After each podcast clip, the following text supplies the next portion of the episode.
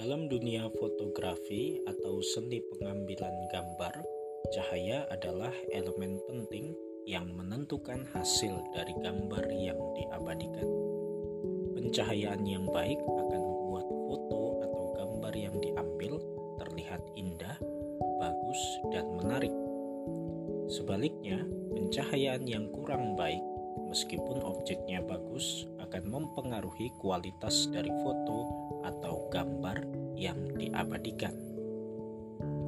Ketiadaan cahaya menimbulkan kegelapan. Dalam gelap, kita tidak dapat melihat apa pun, tetapi cahaya yang terlalu banyak justru menyilaukan, dan hasilnya sama saja. Kita tetap tidak dapat membuka mata untuk melihat sesuatu. Salah satu pemandangan alami yang terlihat indah, misalnya kegelapan malam dengan pencahayaan lampu secukupnya. Di era digital saat ini, ada begitu banyak aplikasi untuk membuat konten di media sosial yang menyediakan fitur berupa filter. Kegunaan dari filter ini adalah untuk mengatur pencahayaan saat mengambil foto atau gambar sehingga hasil dari pengambilan gambar tersebut sesuai dengan keinginan orang yang bersangkutan. Tetapi hasil yang bagus itu kadangkala tidak sesuai dengan realita atau kenyataan. Dengan filter seolah-olah setiap orang menciptakan lagi pemandangan yang baru. Atau jika foto yang diberi filter itu adalah foto pribadi, maka seolah-olah seseorang sedang mengubah keadaan dirinya pada akhirnya, penampilan ataupun kepercayaan diri seseorang tak lagi ditentukan oleh kemampuan dirinya yang sesungguhnya, tetapi bergantung pada filter. Di dalam gereja, kita juga dapat menemukan cahaya, misalnya dari lilin yang bernyala. Lilin bernyala di dalam gereja menjadi tanda bahwa terang sejati, yaitu Tuhan, hadir di hadapan kita. Manakah terang sering kita terang dari cahaya lilin atau terang dari layar HP kita? Salah satu makna dari cahaya atau terang yaitu penunjuk atas adanya kehidupan. Dalam kisah penciptaan pun, Tuhan Allah menciptakan terang agar ia dapat memulai karya penciptaannya terhadap langit dan bumi serta segala isinya. Ketika kita bangun dari tidur, kita membuka mata dan dapat melihat dengan jelas karena adanya cahaya atau bantuan dari benda-benda penerang.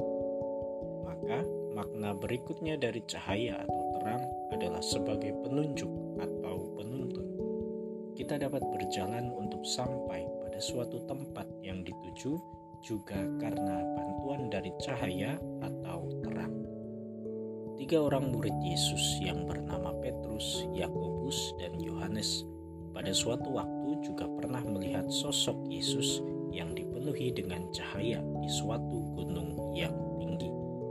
Peristiwa itu dinamai sebagai transfigurasi.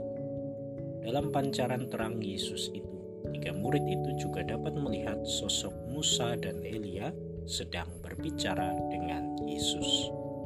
Salah satu murid Yesus yaitu Petrus memberi komentar atas pemandangan cahaya Yesus itu dengan berkata, "Alangkah baiknya kita berada di tempat ini." Segala sesuatu yang bercahaya atau berkilau memang indah.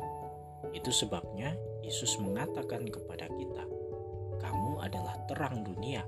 Hendaklah terangmu bercahaya di depan orang, supaya mereka melihat perbuatanmu yang baik dan memuliakan Bapamu yang di surga.